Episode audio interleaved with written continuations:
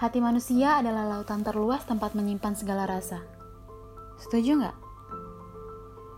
Detik pertama kita dilahirkan di dunia, tangisan seorang bayi mungil akan menjadi kenangan di hati siapa saja mendengarnya.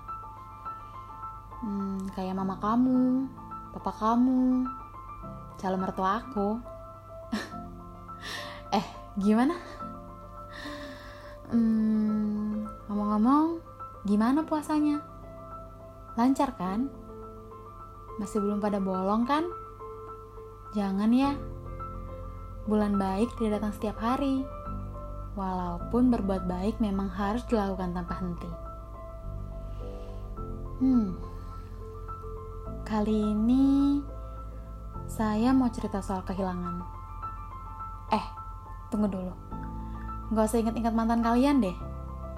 Ini tentang kehilangan yang sebenar-benarnya Dunia sedang tidak baik-baik saja. Berita kematian kita dengarkan setiap hari.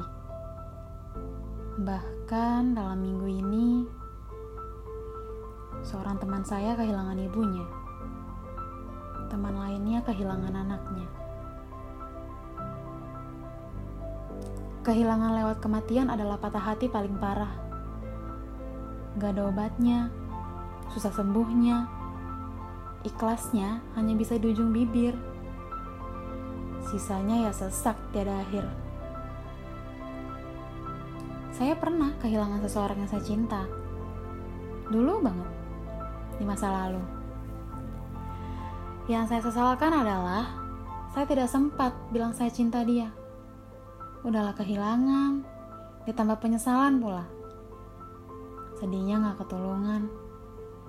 Hal ini membuat saya takut mempercayakan hati saya pada orang lain. Bagaimana jika nanti kehilangan? Bagaimana jika lagi-lagi saya ditinggalkan? Bagaimana jika ternyata Tuhan yang misahkan? Hmm, kalau kau masih kayak saya, takut pada kehilangan, itu adalah kewajaran. Kita kan manusia, ya nggak? Masih punya takut terhadap segala hal yang belum pasti di dunia. Tapi punya harapan adalah satu-satunya jalan untuk kita kembali menatap esok hari. Kehilangan itu gak pernah mudah. Kehilangan bahkan mungkin membuat kita berubah. Tapi jika saya atau kalian dihadapkan pada keadaan itu, kita harus jadi lebih kuat ya. Percaya aja, waktu pasti menyembuhkan seiring hati yang pelan-pelan merelakan.